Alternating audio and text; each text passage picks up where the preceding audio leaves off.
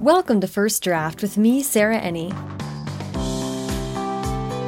This week, I'm talking to Jen Wang, Eisner Award winning author and illustrator of The Prince and the Dressmaker, as well as In Real Life and Koko Be Good.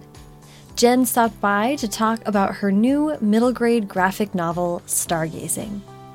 I loved what she had to say about putting herself through comics college by starting and maintaining a webcomic when she was still in high school, having professional peers, and how writing the scary thing is also writing the interesting thing. So please sit back, relax, and enjoy the conversation. I like to start my podcast at the very beginning, so I'd like to hear about where you were born and raised. I'm from the Bay Area, so I like Berkeley, Oakland, and um, I moved here to LA about 10 years ago. So, Okay. yeah, Nice. so I'm kind of a born and raised California girl. Yes. How was reading and writing a part of your growing up? I was just always really into it. Um, my mom took us to the library a lot, and we always had a lot of picture books around.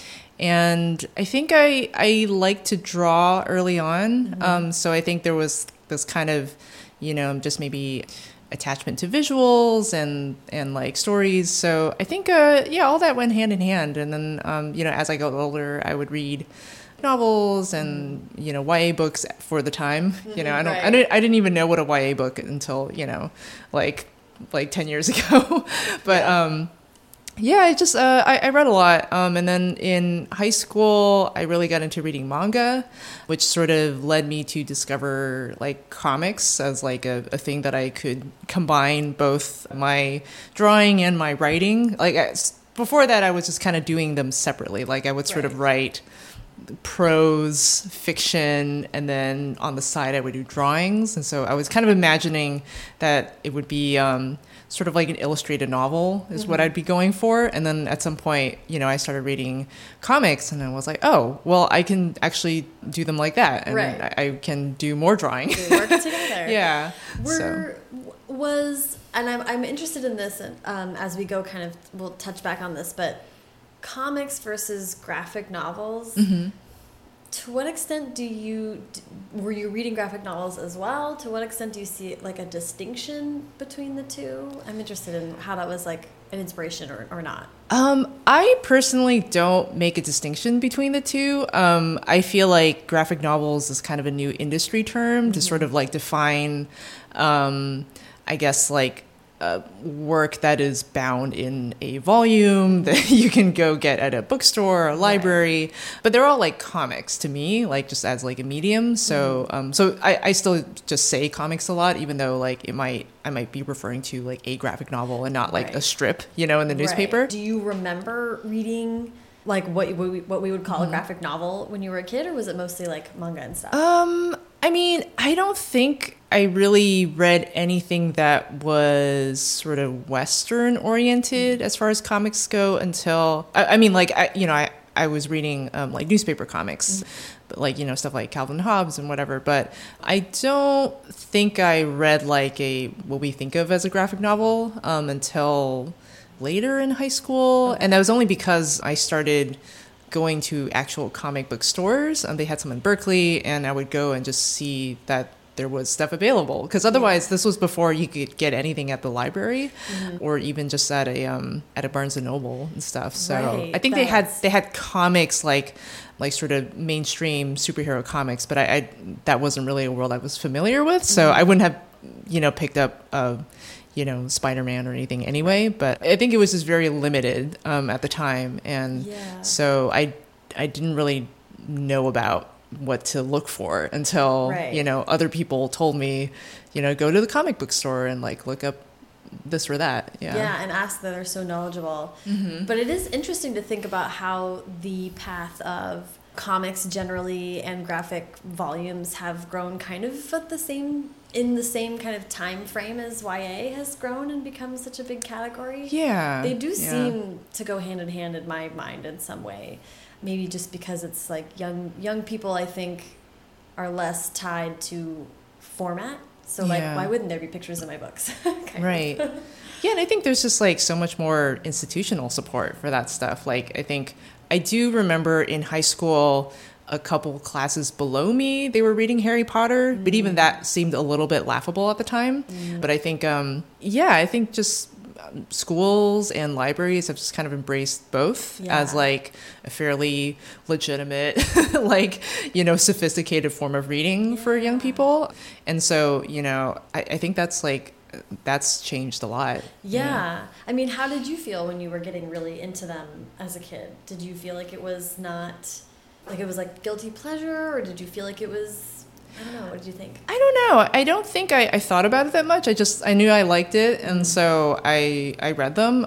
I yeah. I, I don't think I had that sense of whether this was like good reading or bad reading, um, because I I mean to be honest, there was a period in middle school where I just didn't read, Ah. and I'm, I think I just kind of maybe ran out of stuff that I was interested in, or like I didn't really know what to read next. Um, Like I'd sort of graduated from certain reading levels, but then I wasn't really all that interested in reading adult novels necessarily. I, I think I just like I wasn't sure what I wanted to read, but then I discovered manga, and suddenly there was like all this, you know, all this material that I could really get into. What about drawing? Where where was drawing as far as like growing up and maybe trying to take it a little bit more seriously? How did that go? I was always taking it sort of seriously. Like I just like really liked doing it, and I, I figured that this was in some ways going to be part of the path I eventually take, just because I did it so much. And I thought I was going to work in animation um, because that's kind of where people have real professional jobs combining drawing and storytelling. So I think that I, I thought that that's where I was going. And then I applied to Cal Arts, um, which is the main, you know, animation school um, in California. And, um, and I didn't get in. And that was sort of this moment where I was like, well, maybe this is not meant to be. Maybe I'll just work on my own projects on the side and it'll just always be a part of my life but you know it doesn't have to be my job. Because uh, in high school i started doing a webcomic and that was kind of like my job. Like i took it very very seriously. Like i had you know scheduled updates and i had a like a little website that it was on and everything. I sort of didn't want to attach uh, like a career to it too specifically because like there just wasn't really anything out there at the time Right. but I, I knew that I was just really involved in it. Yeah. So, yeah. Let's let's talk about the webcomic because that's so Yeah. interesting to me. Because I, I read a couple interviews where you talked about it a little bit, but I'd like to just hear kind of the story of like what what made you think of. Well, well, let's start with like your interaction with webcomics. Do you remember like how you discovered them or which ones you were a fan of? Yeah. So webcomics, I think, came up around the same time that I discovered them. So this was back in, you know, the year 2000, you know, Yeah. maybe. And uh, I took a summer class for high school students um, at the um, local Academy of Art College. And so they would have like classes for, for high school students, just like in uh, painting, film, you know, any kind of art medium. And I took one that was that was comics. Um, and I met a friend there who was really into manga also. And so we kind of bonded over that. And she actually introduced me to webcomics. And after that, I was like, oh, wait, this is kind of like what I'm wanting to do, but I just didn't know that you could just do it and put it mm-hmm. online. And so we had to do a short comic for the class, and I just used that comic as like a springboard for like a longer story that I could tell, and I started putting my comic online. Um, it was called Strings of Fate. Um, I think if you search for it, there's like a Tumblr out there that compiles like all the available pages from it that are like no longer really online, you know, because like once my old website expired, I just like let it go.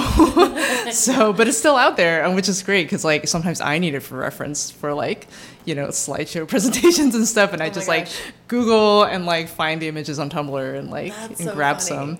Yeah. What was the story about, and how did you kind of decide what you wanted to focus on for that first thing? The story was about, so it was kind of based on the whole Eastern um, zodiac um, mythology. So, like how you get the the zodiac animals, and yeah, it took place in in contemporary times, mm-hmm. um, and so these were the uh, zodiac animals sort of manifested as like real sexy humans, and so and so it was kind of like this like um, kind of fantasy drama you know, maybe thriller. and it was just really fun. I think it was just, you know, it was just really indulgent. And the best part of the whole experience, though, was I think just meeting other webcomic artists. Because mm-hmm. everything before that was just me drawing at home, you know. Mm-hmm. Um, uh, with you know my arms shielding you know what I whatever I was working on, and yeah, like putting stuff online was really the first time that anyone other than like my sister had like seen what I was what I was doing and the fact that there were other webcomic artists who were like my age, yeah. you know, was like really amazing and like I didn't know other artists, you know, in my life. Yeah. Um, so so that ended up being um, maybe the most important part because I I learned so much from just having peers, you know. Yeah, and, building and, a community. Yeah, yeah, building a community and like so many of those people I'm still friends with is like the best part, and like we're all in comics, which is like amazing, you know. Yeah, so, that first wave of web comics that had so many brilliant people in it, or I mean, you know, the first, second, third, whatever. Wait, yeah. Oh, I remember that being such a rich time to be online and I'm, I'm we're the same age so it was just yeah. like the internet was so new it had so much cool weird stuff on it yeah um, yeah I remember that really really fondly too what um and I, I want to talk about this because I know this kind of persisted but I'd like to talk mm -hmm. about how you figured out like nuts and bolts your process for drawing, how to put it online, because I think to some extent it's a, a, little bit of the process you still use today. yeah, no, uh, the process that I was figuring out back when I was working on the webcomic was like, is almost like 90% what I do today. And I think it's, it's just you know you when you start to work on something you figure out what works for you and everyone's going to do it very differently so i think a lot of it's just like stuck um, i think the main difference is that now i actually script everything beforehand mm-hmm. and that was mm-hmm. something that i did after i worked on in real life which we'll talk about later yeah, but um so but before um yeah i would like i would sort of script beforehand where i would sort of jot things down in a notebook mm-hmm. um i would draw them. And yeah, and I would just go through, you know, each page and ink and color mm-hmm. and scan it. so, but I, th- I think um, some of that process has changed, but the, the way it feels when I'm drawing, the, the way I think about how to draw something or how to, you know, scale or, or compose a page mm. feels similar um, and it's very hard to describe because like i'm sure there's like so many differences between then and now but right. but when i when i'm working on the page it still feels very similar i tell people it's like the web comic was like my comics college you know I, I learned everything from just doing that yeah. and, and and subsequent projects obviously but but that was where it really felt like you know you're getting the crash course and everything yeah. and how to do everything yeah, so let, us I, I do think it's so interesting and worth discussing that you had this experience of, of not going to art school mm -hmm. okay so you, you just spoke about how not getting into school made you feel like okay maybe this isn't going to be my job so then what did you focus on and how did you come back to getting back into it it was a long journey, but I decided that the right thing to do would be to um, still go to school. Mm-hmm. So I went to uh, San Francisco State University, where um, I'd visited there, and it seemed like you know like a nice environment. The first year I was in the film program mm-hmm. because I thought, oh, they actually have a couple animation classes. Maybe this is how I kind of get back into what I was doing, what I was wanting to do before. But then I actually didn't really like the undergrad program that much. I think it was fine. It just, I, I think I needed to be more physically active and mm. productive in the process. Mm-hmm. And a lot of it was like, you know, because there were like so many students, it was just like all lectures. I learned a lot from just becoming more of like a like a film buff but you know like i wanted to do things like i think mm. that's just kind of my natural kind of inclination and so i felt like I don't know if this is really worth my time being a film major. And at the time, I took a, uh, a sociology class or a couple with like this one professor that I really liked. And I thought this, this is actually really interesting and kind of something that I don't think I would be doing outside of school. Mm-hmm. So I'll just do this and I can work on whatever you know personal projects I have on the side.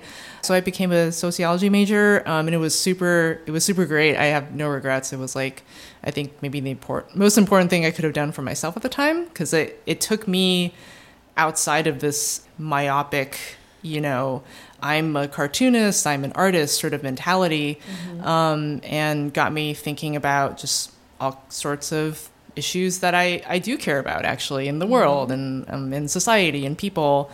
And I think at the time I was going through like a sort of personal crisis of just like, well, what am I? you know, if I'm not going to be uh, an artist, maybe, you yeah. know, like like who am I outside of this like identity that I've just had my whole life. Right. So that was, I, I think, a period when I didn't draw very much. Mm-hmm. And I kind of, I think I started to feel a little unsure as I got towards the end of, of school what I wanted, you know, like, well, what's my next move, right? Mm-hmm. Um, I think everyone in my department was going to grad school, kind of continuing their studies, and I just, I just felt like I don't know what I'm, how I fit in there.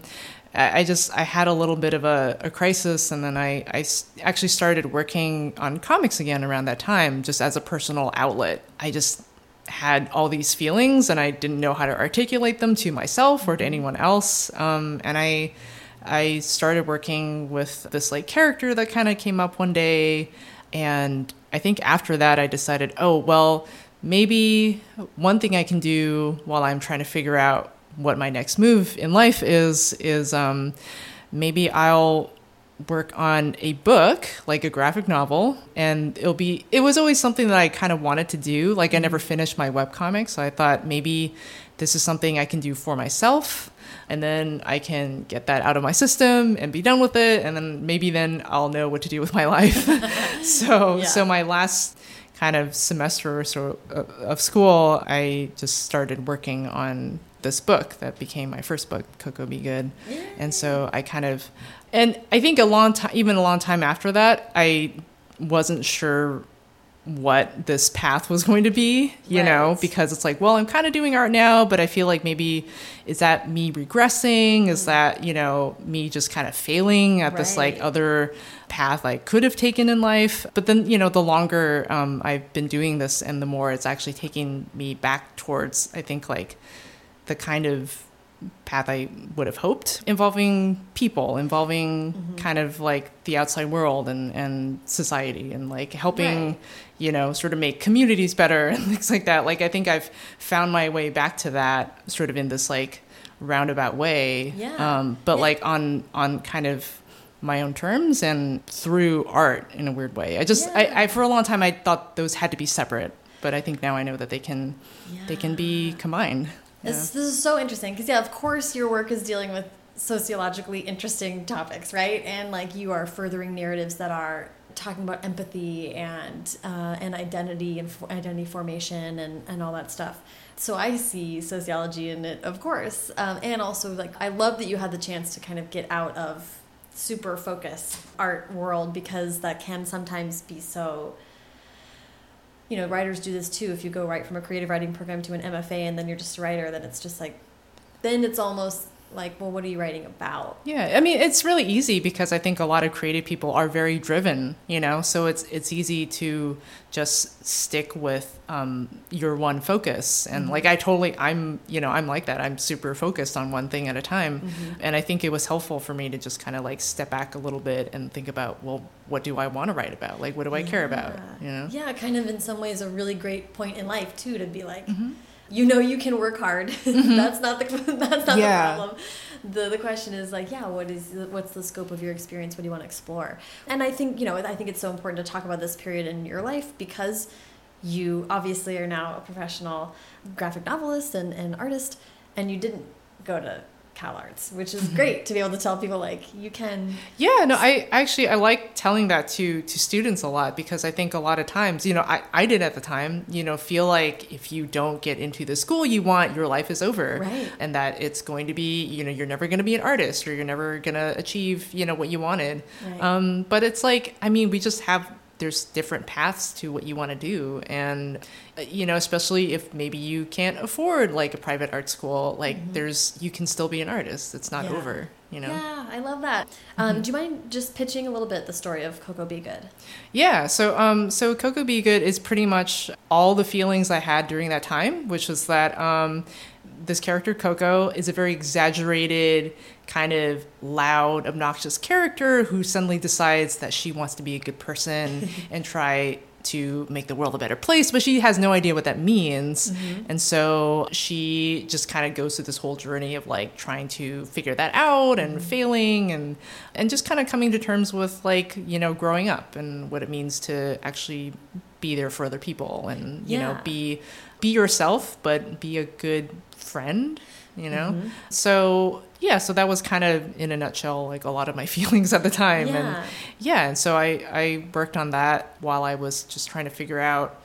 I sort of had like just kind of random retail jobs, you know, and yeah, and then when I finished a draft of uh, like a penciled version of the book, I actually I knew an agent from working on an anthology a, a few years back when I was in school.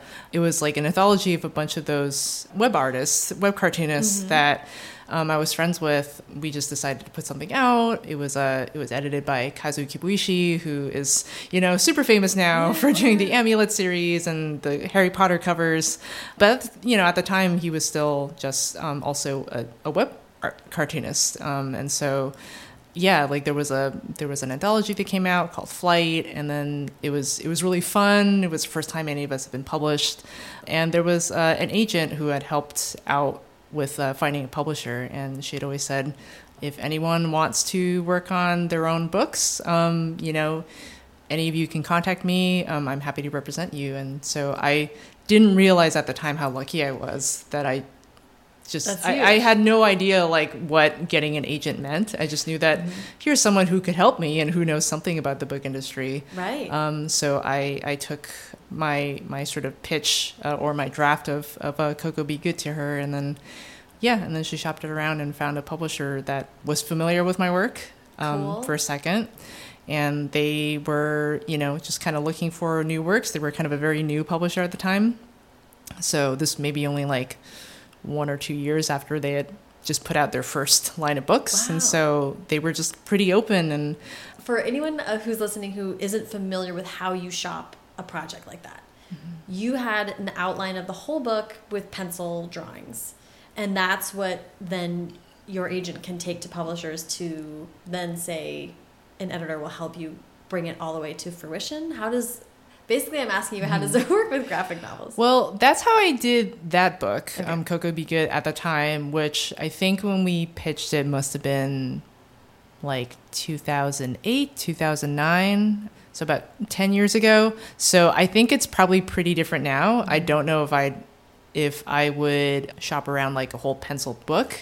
Um, I just didn't know how to do it at the time. I thought, well, that's this is how writers, um, you know, prose writers Right. pitch their books, right? You write a draft and and you send it out. Now when I do it, it's very different. Like I pitch like the concepts and I pitch outlines and uh, you know sample art. I don't just start drawing, and and I, I don't know how many people would have done it the way I did with Koko anyway. But um, there are there are people who still, you know, I mean, publishers if they just if they see something they like, they'll buy it. So there are people who have web comics that they pitch, um, stuff that they self published. Um, so there's different ways to do it. I would maybe just you know if you are able to find an agent see what they suggest for what publishers are looking for now and it's also probably different if you are pitching for the first time versus mm-hmm. someone like me who I've worked with the same publisher for a bit so that maybe they don't need to see like what my art looks like because they already know Right, right. and so I think it, it kind of depends on the situation. Yeah. So It makes sense to me that yeah, new artist, the position that you're in of saying like they need to see the thing. So Right, and then yeah. it's you know, it's I know every publisher kind of breathes a sigh of relief when they can see that like you've finished thing. Yeah. thing would would be you can then work with us to publish thing. Um and, and actually just going back to the whole like having coming up with your your peers Mm-hmm. and like that's so important is i feel like publishing changes so fast that it's good to to be with like other people who are going through the same process that you are at this time in history in publishing Mm-hmm. because um, you'll learn from each other like kind of what's going on now Mm-hmm. um, talking to someone who you know was being published first like 20 years ago like they're going to have a very different experience with what the industry was like at the time and like what people were looking for at the time. So um, it's good to have like older mentors who like have been through this and who have like valuable advice. But i think it's for me personally like more important that like you have peers who are you know at the same point that you are in your career. Because like i think you're going to be learning all the things that are happening right now at the same time and you need each other to like see if like does this feel okay you know is this like does this feel exploitive and yeah. Absolutely. No, that's so huge. And also like uh, and I, what you're saying is so important. That's like why unions exist and, and things like that is like yeah. sharing information, making sure that. But I love it's like your industry in particular is so on the cusp of creation and also technology. So there's some Mm-hmm. level of like let's all decide what's normal now. You Yeah, know, and, like, yeah. moving and changing and shifting. I can't imagine over the, over even the last ten years. It's like so different yeah even from the outside, I'm like, what? Uh, everything's on tablets now, or whatever, I guess. As opposed to, I grew up watching or thinking about Bill Watterson, you know, and his like, Yeah, I mean, I actually still draw on paper with you know pencil and ink, um, but that's because I learned how to do it that way from like back when I was doing comics in high school. Yeah. I don't know, like I, I think it's just how whatever works for you. Yeah. So love yeah. it. Um, once you sold the book and you were you knew you were working with First Second, was there one editor you were working with, or was there a few different people contributing? How does the editorial process work for that kind of project? I had one editor, um, Calista Brill, who I still work with and who's still my editor, um, which is great. And there was mainly just the editor and then like the, the book designer. Uh, at the time, it was Colleen Venable. And yeah, I think that's that was pretty much it. I didn't have a ton of people kind of involved in the book, but I think First Second at the time was very very small. Um, they are an imprint of of Macmillan, and so I think just having a, a smaller team was nice for me Yeah. um, at for a start. Now there's more people there, uh, but it also feels like the company has grown a lot in the past ten years. Like Yeah. along with you know all the authors that you know have, have been around for Yeah. that long. Yes. How, how does, and I, I guess I'm interested because editing work that comes with art feels so intimidating to me because art is harder to mm-hmm. change and adjust than than you know deleting a paragraph in word. So how does an editor get involved with story at that point and how did you kind of evolve and change the story or was it pretty much set? How did that go? I mean, for me, it's always been uh, they want the book that you wrote, mm-hmm. so it should feel like you and it should be your ideas. Mm-hmm. They haven't really skewed me in any particular way. You know, like I don't ever feel like I am working on a book that isn't mine. Mostly it's it's clarity. I think, you know, the editor's job is to make sure that what you are saying is coming through, that Yeah. we're not confused about what your intentions are. Mm-hmm.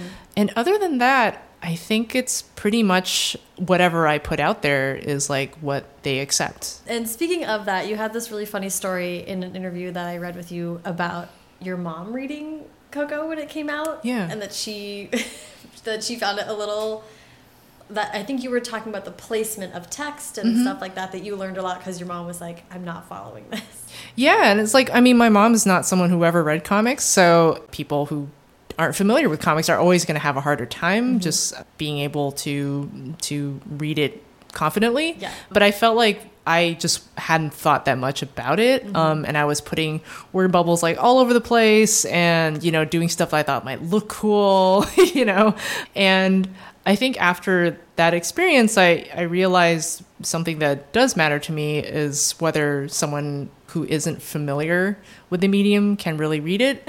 So my goal should be like, you know, a sense of ease and clarity. Mm-hmm. And uh, it shouldn't be too hard if I'm really thinking about it and considering what like an older person or a much mm-hmm. younger person might be um, might be seeing when they look at the page. So yeah. after that, I started paying more attention to what I'm doing and and uh, just even now just like giving enough space in the word bubble for the text so it doesn't feel claustrophobic and mm-hmm. little things like that i think i started considering more yeah. yeah. let's talk about how then I, how irl came about and how that was like also a furtherance of kind of your style and uh, how the books get made let's pitch irl first so irl um, in real life um, is a book that is based on a short story by Cory Doctorow, who's one of the founders of Boing Boing and um, is also a YA author. Mm-hmm. And so, uh, so after I finished Koko, the, the the book came out and it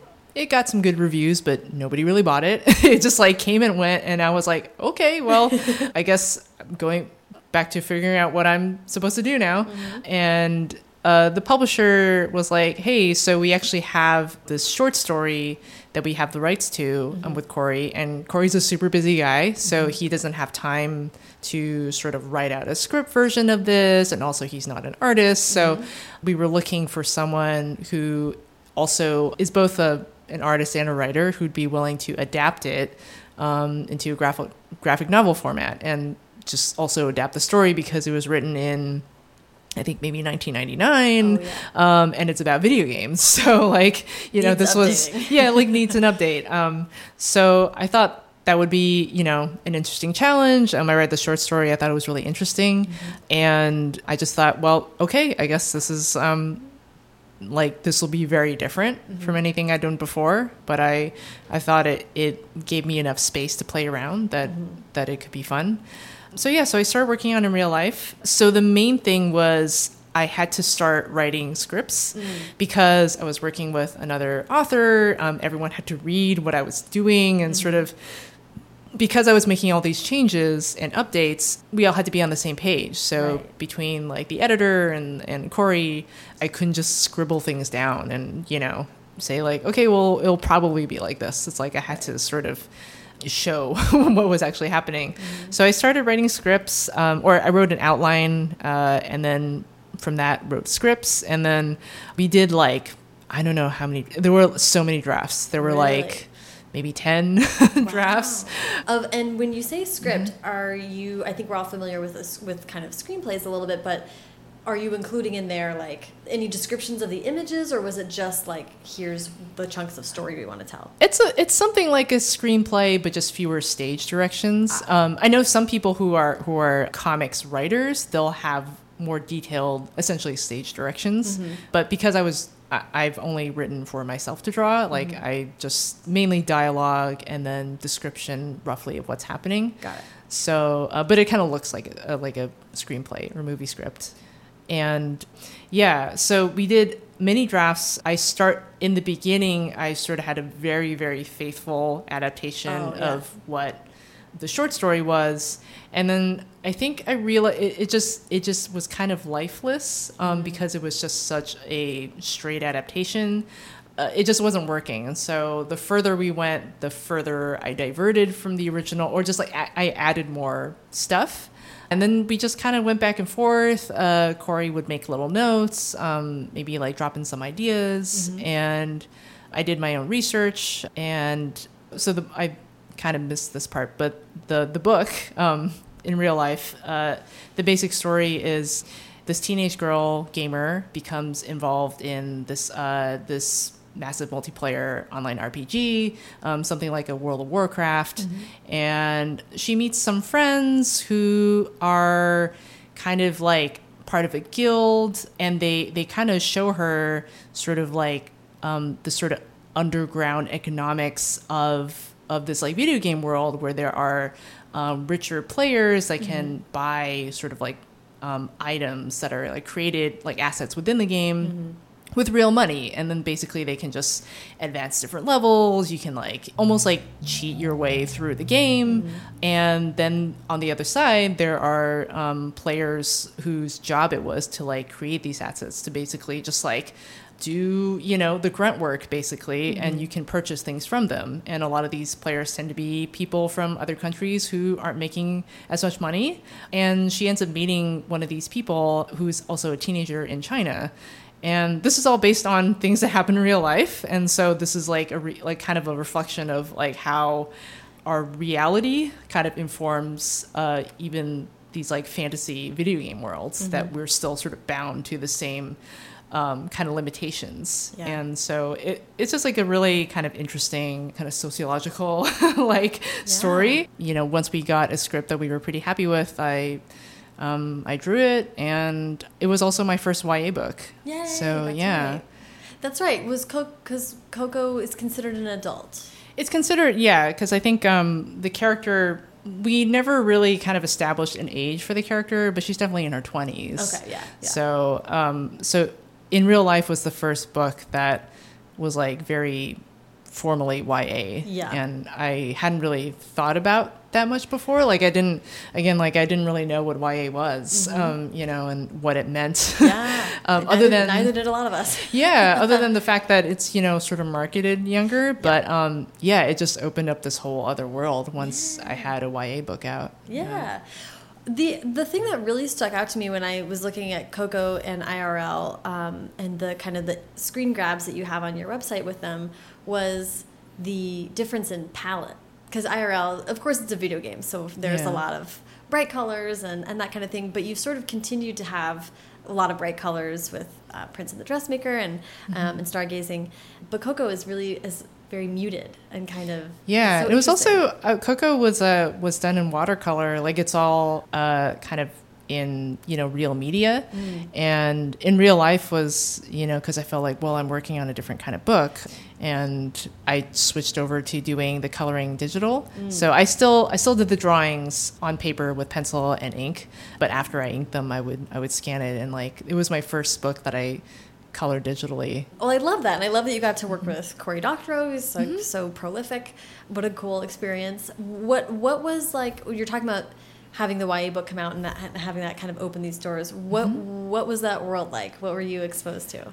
Yeah, I think I just the fact that suddenly there were I was interacting with readers who were younger mm -hmm. was really exciting. Like I I never really thought about that part of of this job before. Mm-hmm. But then, uh, you know, I went to libraries and I went to different, you know, YA book festivals, and I had never experienced any of that before, you know, and I didn't really know that that was a thing. Because um, when I was a kid, you know, I never saw any authors. I didn't, you know, I didn't know about book festivals where authors were present. Um, yeah. I just didn't know that there was any interaction and that that was possible. Yeah. So the fact that you know I would go to libraries and tell teenagers, you know, hey, like I do comics and it's something that you can do, um, was like really exciting. It was really fun, and and I I learned a lot about just kind of all the sort of community efforts out there to like just encourage literacy, to mm-hmm. promote comics. And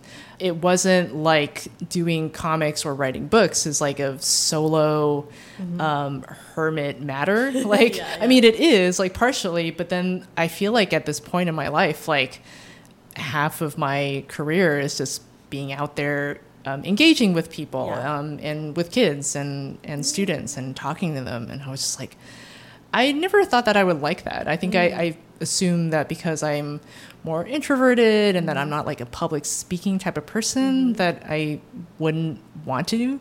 But once I started doing it, I uh, kind of just maybe you know got through that initial hump of being afraid. Yeah. Um, I realized like it was um, that I actually do really like kind of talking to kids and just kind of showing them what's possible. I want to, we're going to get to Prince and the Dressmaker next and then Stargazing, I promise.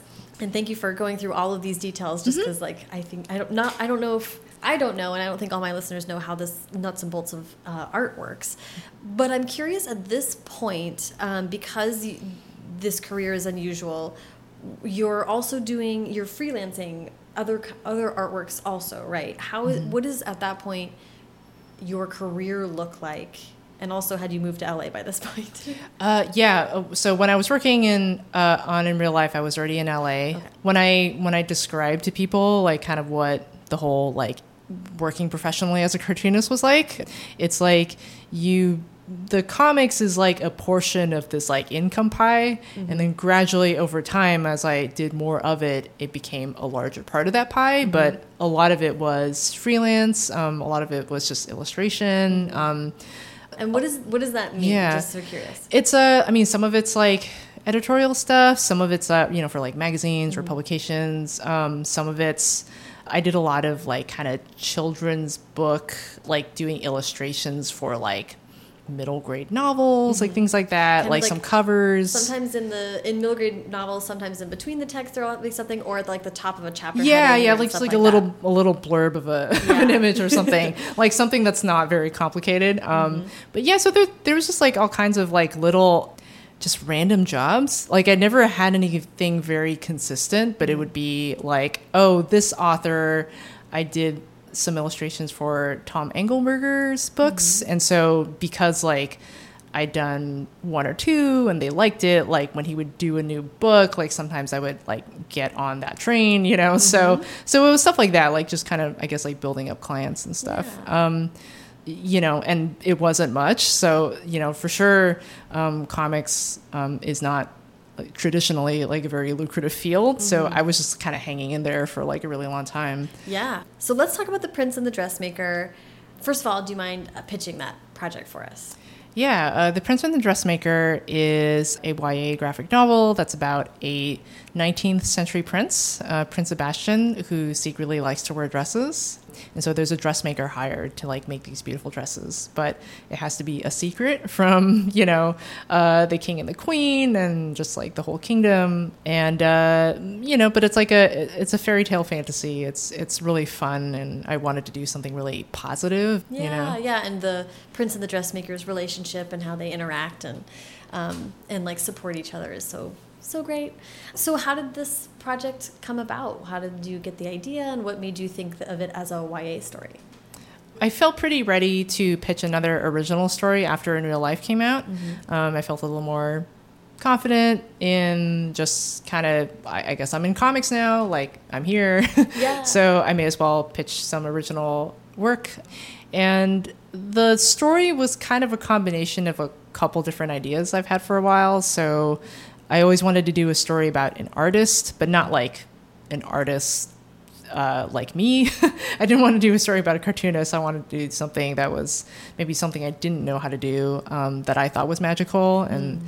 I always thought sewing and clothing was really cool. Like, Yeah. uh, you know, I would watch like Project Runway and be like, wow, look at that. Like, Man. they're so amazing. And it seems like So, magic. It's yeah. really something I cannot imagine doing. Yeah, exactly. So I I, I like that idea of a character whose like superpower basically was to like make like really cool outfits and that would like transform the the person wearing the outfits. Um, and for a while, I was thinking it in a very literal way, like kind of like in a like maybe sci-fi fantasy kind of way. And then at some point, I realized that the transformation could be more emotional. That it was about you know the clothes can make you uh, feel more like yourself. And at the same time, I always wanted to do something that was like like a Disney movie, but a little more like queer. Um, maybe something about gender identity. And I think it just kind of like the ideas just kind of fell together. Um, and the the day that I kind of came up with the story randomly, I just thought was like, oh yeah, this is it. Like it's like there's a whole story written there already. Yeah. Um, you know, because like once you decide it's going to be a fairy tale, you're thinking about you know prince and princesses, and then you know you're imagining horse-drawn carriages, like and just all kind of like fell together very cleanly. It's yeah. Yeah, in some ways, it's one of those stories that's so beautifully simple. You're like, oh, it, you know, I had a friend come up with a book title that was so. Uh, uh, Veronica Roth's new book of short stories is called "The End and Other Beginnings," Huh. and when she when she came up like, why didn't I that, think of that? We all looked at each other and we were like, "That has to exist, right?" Yeah. We're Like, like, that must already be a title, and it and it wasn't, as far as we could find Mm. out. But it's like, oh, this is been waiting to be a story. That's Yeah. at least that's how I felt about The Prince and the Dressmaker reading it. I was like, this is so classic. It feels so, you know, it's so a part of the kinds of stories that we tell over and over, but it's got such a delightful new twist to it and um, and it's so beautiful and the movement of the clothing was so fun and I loved reading it so much uh, and so did a lot of other people it got a lot of thank you. attention um, and has been like a really big deal for like a year I feel like you've been on the road talking about it for a while now Yeah, yeah. It's been, I mean, I knew just like from how I felt about it that, like, well, it has to be something that, um, that, you know, other people will probably feel a connection to. But I, like, uh, I think, you know, it's just hard to picture what that means. Right. Um, so it's been really nice that people have connected with it and, and it's, you know, I, I like that it's, young people and old people. It's um yeah, it's been really really wonderful. I I like still don't really know how to process that. yeah, well, that's going to be my question. I mean, be just because you're still relatively early in your career, it's only your third book, and this is getting a lot of attention. I'm just wondering how. And I mean, you you just got um, the Eisner for Best Writer Artist and uh, Best Publication for Teens. Get that plug in there. Um, I think amongst many other awards, but um, that just happened. So you know that's a that's a really big deal and it could mean a shift in your career and how you Yeah. How people perceive your work um, i'm just wondering how you're thinking about that or or how that's maybe changed thoughts about going forward in your work at all Yeah, I mean, it definitely has shifted like so much just in the past year. Um, and I think it was definitely a little scary, um, sort of in the beginning, like when the book first came out. And it's just, there's a lot of kind of eyeballs on you, it feels like. But I think, I, I think for me, the best thing so far has just been um, before the book came out, I already came to the sense of I don't know, like acceptance about where I was in my career and how I felt like I had tried my best. Um, I'd done everything that I could to sort of have a comics career, which is like not something I ever imagined myself having. So anything else beyond this point, you know, is a bonus. And I don't have to feel pressured to be anything other than what I what feels natural to me, you know. So because I think there's um, there's definitely pressure after um, a book comes out that is successful that you know you have to follow it up with the right thing or like what if you make a mistake and Right. and suddenly you know your career takes a downturn you know? Like there's a lot of um, just kind of it feels like the next step is really important. And i think i was able to work through that because i already kind of felt like it's okay that there is not um uh, you know the sense of if i do the the book that isn't going to be like a great follow-up that it's going to be over. Yeah. And I just, you know, tried to be happy for what's already happened. And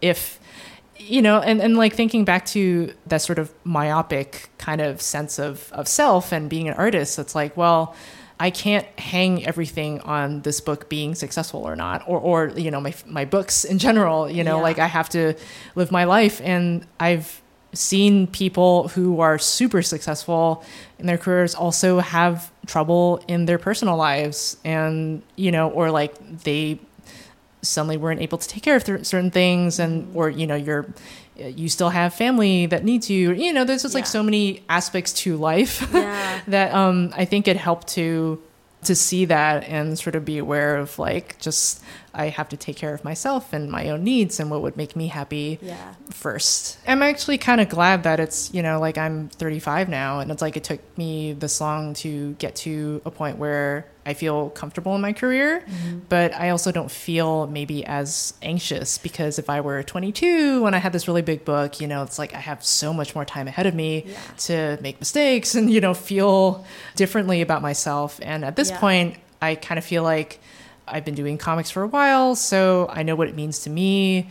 Would I be okay if I had to step away, you know, Right. and do something else for for you know work or for, for whatever reason and i think the answer is you know yes because it doesn't mean that i'm not a cartoonist or an artist still if i can't do it professionally as my career like Yeah. you know year round if it's something that i can only do a book every 5 years or 10 years like i'm still an author Yeah. you know like Yeah. it doesn't i think we don't um there are so many authors and and artists out there who are who have that sort of output and we don't really think any less of them we're just like so excited when there's like a new book out yeah. or something oh you my know gosh. If anything, it's like, ah, Yeah. you lose your mind when Yeah. someone comes back after five years. exactly yeah I love that. And it's also really great to be like, you know, you kind of lowered the stakes for yourself. yeah Um, but let's get to stargazing. Mm-hmm. I'm really excited to talk about that.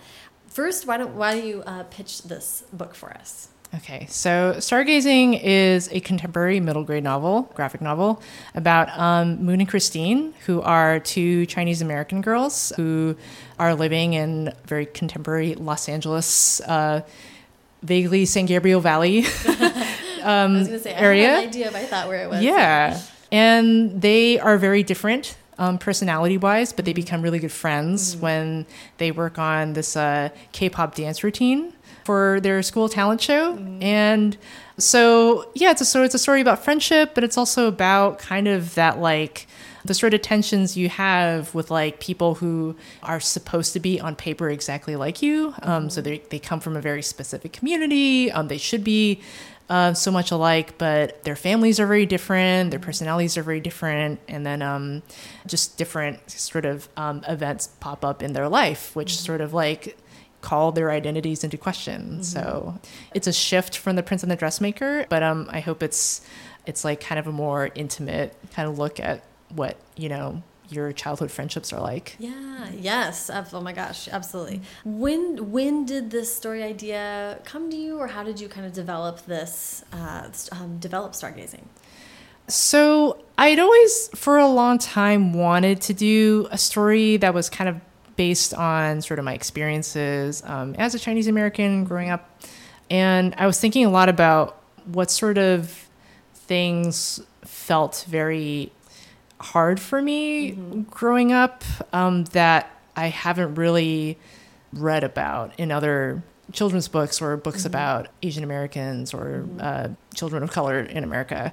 And one thing I, I hadn't seen a lot of was just stories where multiple characters are from the same community and sort of showing how just um, how they're different or individuals and how how that impacts how they interact with each other. And that was something that i struggled a lot with when i was growing up because i felt like i feel like when you're child of color in america um, a lot of the times either you are uh, the only one in your school or in your community, or you are one of many, many, many because you're part of like a little immigrant community or hub. And I was the latter, where you know, growing up in the Bay Area, there were like so many other Asian kids, and um, and you know, even specifically like Chinese American kids, and so you know, there's this kind of sense of well, you're not totally, you know, white American because like that's just like a very different culture from, especially if your parents are immigrants. Um, so you're definitely part of a, a specific group. But at the same time, if you don't feel like you're a lot, you have a lot in common with the other kids who should be part of your sort of demographic, um, how do you deal with that? Right. and I was sort of, you know, for whatever reason, I just felt like a little off center from where the other Chinese American kids were at the time.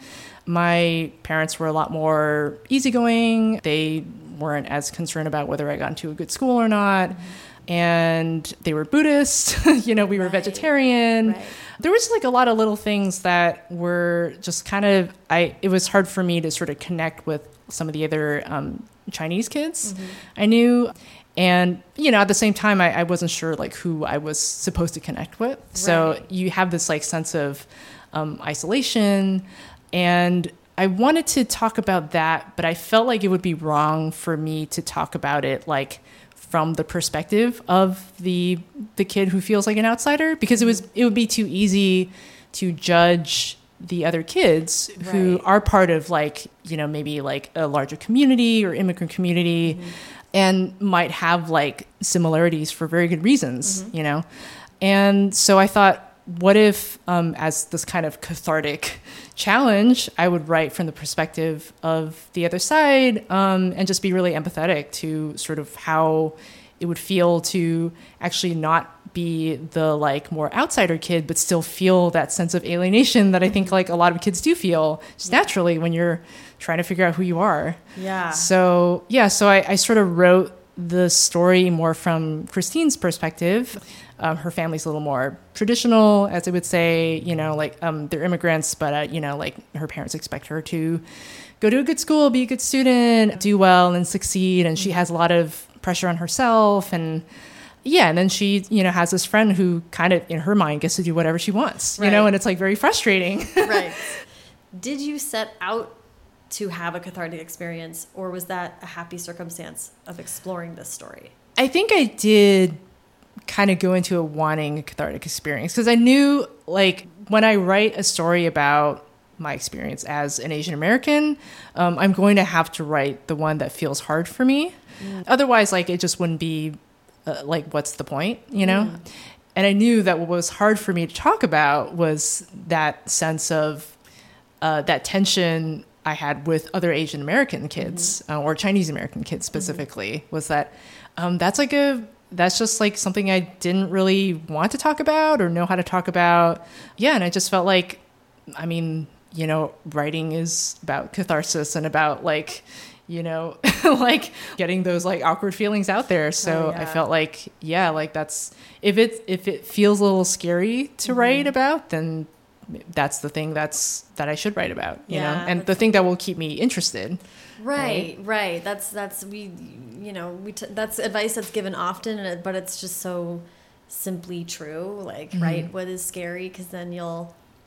I like that way of saying it though. Like that is also the scary thing is also the interesting thing. Yeah, it's like it's like if there's a reason it haunts you, and um, if it is haunting you, then at least you'll still be thinking about it, like like two years from now when you're Yes. trying to like sludge through the like actual like making of it. yes and and odds are you know i don't i i doubt that we are haunted by very specific ghosts i think that probably if you feel that way about something a lot of other people do too Yeah, You know, yeah, we're pretty exactly. we're pretty similar animals at the core of it um, so if you have a strong feeling or belief or preoccupation and you feel so strong and it feels so specific to you odds are that's like a ton of other people's Yeah. perspective too which is very cool and like the truism that keeps like making me feel comfort comforted as a writer like just go and lean into your weird what you think is weird and odds are that's so much more general than you think yes. the the we were talking before we uh, started turn on the mics about other ways that this book is personal for you. There is sort of a lingering question about Moon's behavior, and uh, she's she changed to go to Christine's school, and there's like rumors about why she had to leave her school. And I'm not setting this up great, but do you, do you want to talk about like uh, us traveling through and learning a lot about Moon's background and sort of getting a sense of what's going on with her, and then we kind of learn a little bit more about what she's dealing with. Yeah, so um, she ends up moving into Christine's family's. Um, they have like the sort of like extra unit in the house where the, like, the grandparents lived, and you know it's because she she has like a single mom. They are sort of struggling financially. There's kind of this theme of like um, Moon sort of having a different, um, a more difficult sort of history background.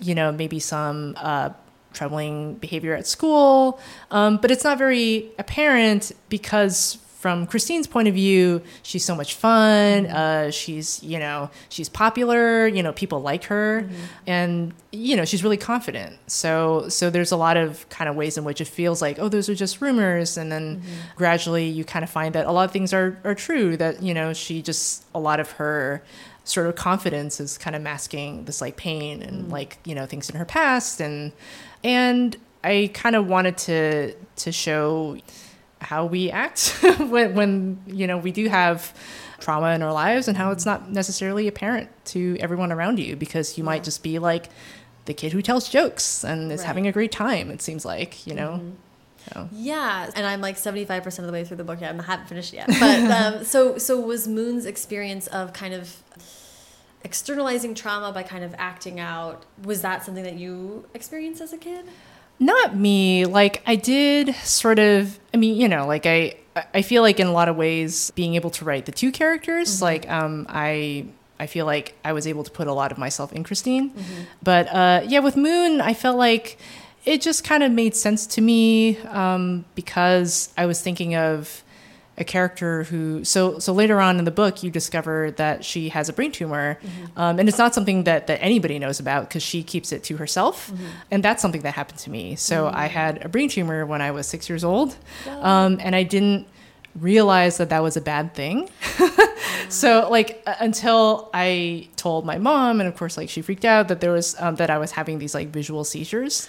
Um, oh and and a part of it was because I was so young. I just didn't have a concept of like if your body is doing something abnormal, that's bad. Right. so, um, but I was thinking of how it would be a good way to show like a character who kind of sort of needs this sort of like fantasy to just uh, feel like everything makes sense to her mm-hmm. um, that there's a reason why she might be a little weird and you know is that you know she is not from here so she has this like you know she's a this like otherworldly being and that's why she has these like visions and these seizures mm. um, and how that that's like a, a way to sort of like tie in this like feeling of alienation but make it just but tie it to reality and like how we feel and yeah. how when uh, eventually you know she she gets the surgery and the tumor's gone she's actually kind of sad mm-hmm. because it's like well it's I guess that was just me this whole time.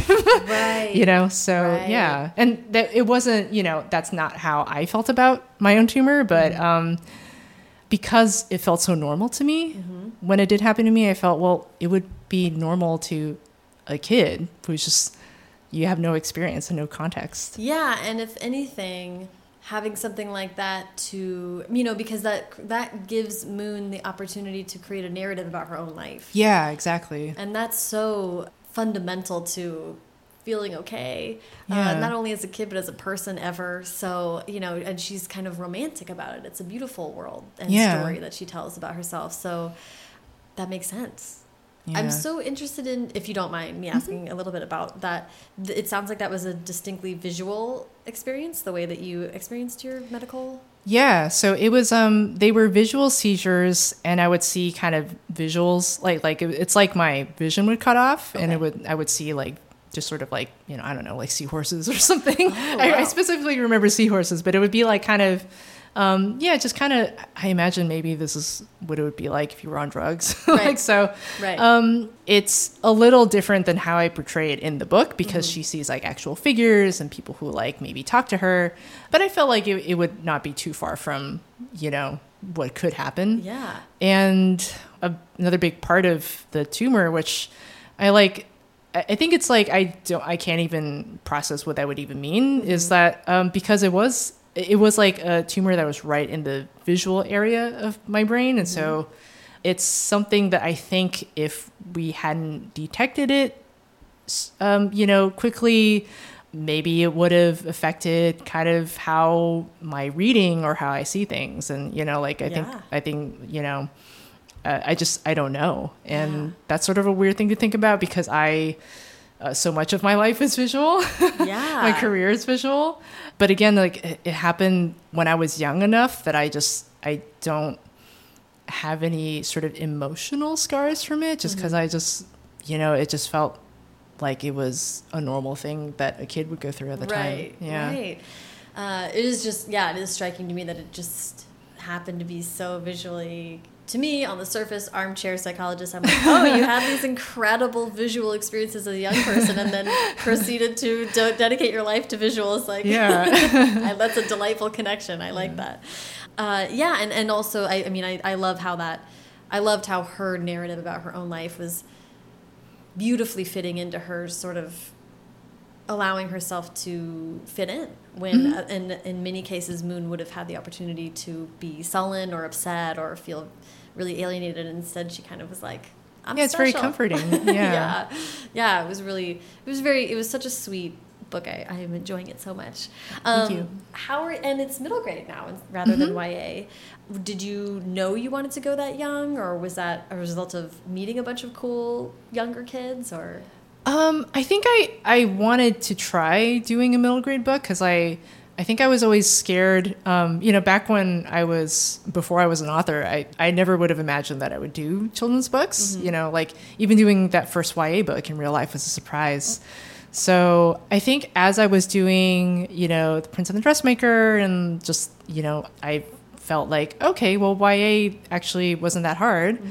I kind of want to try middle grade just because it it's kind of scary and challenging, and I think I I was afraid that it would mean more like fart jokes Oh, and just like Yes. you know like like that it would be more juvenile Right. but um in reality just when i had to think about like well what were my feelings when i was 10 or 11 years old Yeah. um, it's so much more sophisticated and complicated because you have all those feelings that you're going to have for the rest of your life but you just you don't have the experience of dealing with it yet so everything's just so like so many feels yes, and like no, not words for them. Yeah, nothing- yeah. No, no barometer to measure them against, so everything is so at Yeah. 10, 11 all the time. Exactly. And it's like, and the fact that it's um, sort of a contemporary story uh, and not like a fantasy or, or something where maybe I could just throw more uh, sort of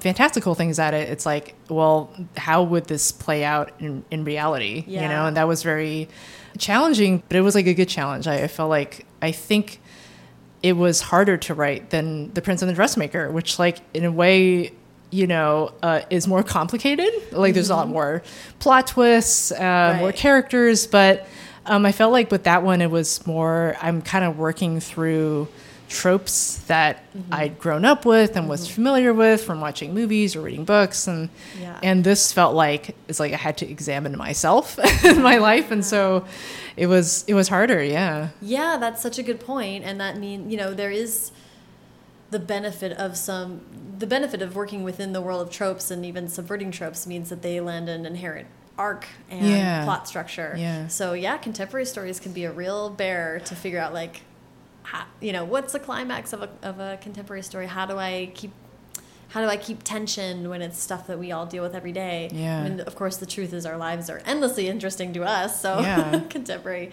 can be the same way, but it's it's hard from a storytelling point of view. Were you working on this while The Prince and the Dressmaker was coming out? How was the timing? Yeah. So there was actually a long gap between me finishing The Prince and the Dressmaker and it coming out. And uh, I pitched Stargazing before The Prince and the Dressmaker came out.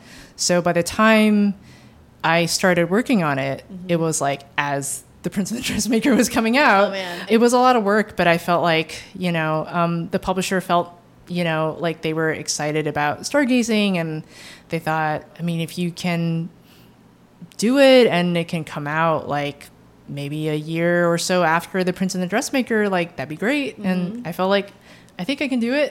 So Yeah. um so it was a lot of like working on stargazing during the week and then on the weekends i'd be out promoting prince and the dressmaker. And it was like that for many months and it was a lot but i got through it. Yeah. and so um, I think I think moving forward, hopefully, I don't have to do that kind of dual, you know, just like constant. yeah. you know, what you're work, describing is but, seven days a you know, week for yeah. sure. But you know, like I thought, well, maybe I'll just I'll do it once and see what it's like.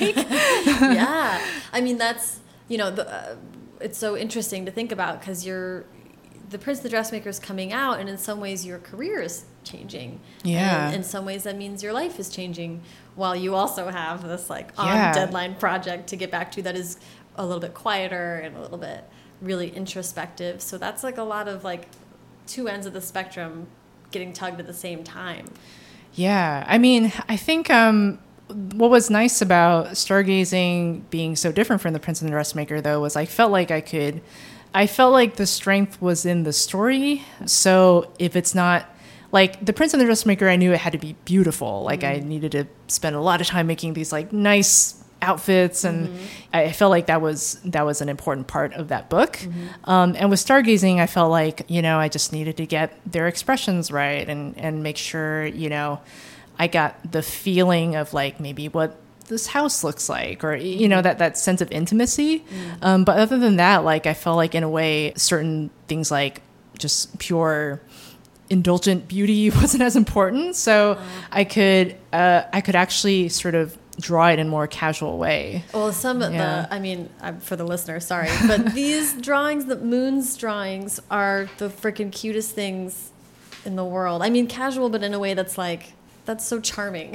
yeah yeah I love that. And and it was like the micro expressions on her friends or on the lunch table. I mean, Mm-hmm. all that stuff was just like so spot on and really, but like you're saying, really different from a Baroque 19th century like yeah dressing room or something. yeah it didn't need all the details i just needed to like get the the main points across in Yeah. the drawing so Yeah. yeah So what? I, I- just want to ask a little bit about going forward, and then we'll wrap up with advice. But um, Oh, and I do want to add, since Yeah. we're talking about the art, so this was also the first book I didn't color by myself. Wow. Um, and that was part of how we were able to get the book done in time. But um, I always wanted to work with um, my friend Lark Pien, who she also colored um, a bunch of Gene Yang's books. Um, so, you know, American Born Chinese, uh, Boxers and Saints. And, um, and we've been friends for a long time. And I, from the beginning, we were talking about stargazing, maybe having a different colorist, um, and just kind of me like sort of just being able to focus on you know three things instead of four things. say take away one. yeah, just take many, away one jobs. thing. Which and I actually do enjoy coloring, but I felt like maybe it's good for my sanity to like not have to also color the book after I'm done with everything else. Mm-hmm. So uh, so Lark Pien colored this book, and she's like so good, and it was actually really fun having someone whose sole job is to do the color because she was able to add a lot of things that I just would not have bothered. You know, I just would have thought that this was like a waste of my time. But she would go in and like make like t-shirts and just different like patterns on their clothes and I thought those were all things that like I never, you know, would have thought of. Um, so so that that was another fun part of having um, someone else work on the book is Yeah. that um, and she's also Chinese American and we've talked a lot about these kinds of like feelings and issues because I, I think we've we've felt the same um, growing up that uh, yeah it was nice to have someone just sort of like go back and forth on on a book where normally I'm the only person Yeah, right. That's Yeah. like you feel a little. Someone's in in the uh, uh, foxhole with you, or whatever that saying is. The trenches. yeah Some kind of war analogy, and that's so cool. I love that the colorist was also a Chinese American woman because I got. I just have to believe that there's ineffable subtleties that would just be possible when you're talking about a similar experience with an artist that can connect to your book so much and so specifically. Yeah. That wouldn't have necessarily been possible with just someone. Yeah, like and there's stuff like um like there's a scene in the book where Christine, you know, paints her toenails and her dad discovers it and it's like awkward, you know, cuz he doesn't like that. And that didn't happen to me, but Lark was like, "Hey, this happened to me. Like is this ba- did this happen to you?" And I was like, "No, actually." Oh I just like imagined that this could happen and like it was fun that there were little moments like that where she eh, she did relate to it because it, something very similar had happened to her. Yeah. That's amazing. How interesting. Oh Yeah. my gosh. I love that. uh, well, I'm going to ask for advice and then Mm-hmm. and we'll wrap up with that. But I'd love to hear, I'd love to hear advice for someone who right now, given everything, is looking to kind of break in to comics or graphic novels. What would what would your advice for them be? My advice is um, to just do it. um, again, you know, I feel like my comics college, my comics education was just me doing comics um, and figuring out what I what I how I like to do it. Um, you know what tools I'm comfortable with, and uh, what I like to write about. So just going for it, um, not being afraid to make little mistakes because it's not going to come out perfect the first time. A lot of people are very fixated on this idea of like doing a graphic novel straight out of the gate and you know a lot of times that's that's that's a lot. And you know it's okay to do short comics do something that's like two pages five pages ten pages and like work your way Build up. yeah to like build up to something that's um you know your like grand space epic. Because like you'll you'll have those stories like but the more you think about how big and intimidating it is like the less likely you'll feel comfortable just get even getting started. Yeah yay well thank you so much that's great advice and i really really appreciate all your time today yeah yeah thank you so much yeah. this was fun thank you so much to jen follow her on twitter at alugobi. i'm going to spell that a L O O G H O B I, on Twitter, and on Instagram at Wangstagram. Definitely the, be- the best Instagram name out there, Wangstagram. Follow me on both at Sarah Enni and the show at First Draft Pod. For links to everything Jen and I talked about today, please check out the show notes, which are at firstdraftpod.com. Do you have any writing or creativity questions that you would like me and a guest to answer in an upcoming episode? If so, please leave a voicemail at the voicemail box I set up for the show. That phone number is 818 533 1998. I would really love to hear from you guys and get a sense of where you're at in your creative journey, you know, writing or otherwise, and um, see if there's any tiny little morsels of wisdom that, that I can offer you. If you enjoyed the show today, please take a second to subscribe to the podcast wherever you're listening, and it would be just so delightful if you would leave a rating or review on iTunes. I have an example of one that I can share with you right now. This is a recent five star review left by a user called Mellishful or Melishful. I, you know, I'm not sure. Mellishful says, wonderful chats on writing and careers. I really enjoy Sarah's friendly, laid back style of interviewing guests. I feel like they open up to her, and it's always a pleasant conversation to listen to.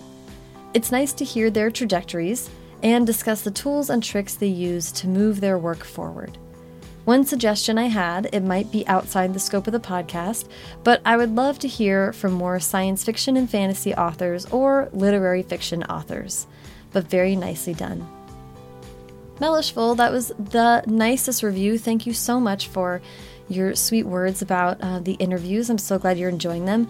And that uh, suggestion is not at all outside the scope of the podcast. In fact, I would really, really love to have more science fiction and fantasy authors on the show from all um, age categories. And literary fiction is, you know, my first my first love. I, I, am also someone who would love to hear more episodes like that. So I'm definitely at work behind the scenes to make that happen. And in the meantime, thank you, thank you, thank you. Reviews like that help the um, algorithm at iTunes and all that stuff kind of get us in the feed and the recommended sections for other kind of bookish podcasts. It all boosts organic growth, and it's a really kind thing for you to do for the show. Haley Hirschman produced this episode. The theme music is by Dan Bailey, and the logo was designed by Colin Keith. Thanks to production assistant Tasneem Daoud and transcriptionist at large Julie Anderson. And, as ever, thanks to you, hallucinated seahorses, for listening.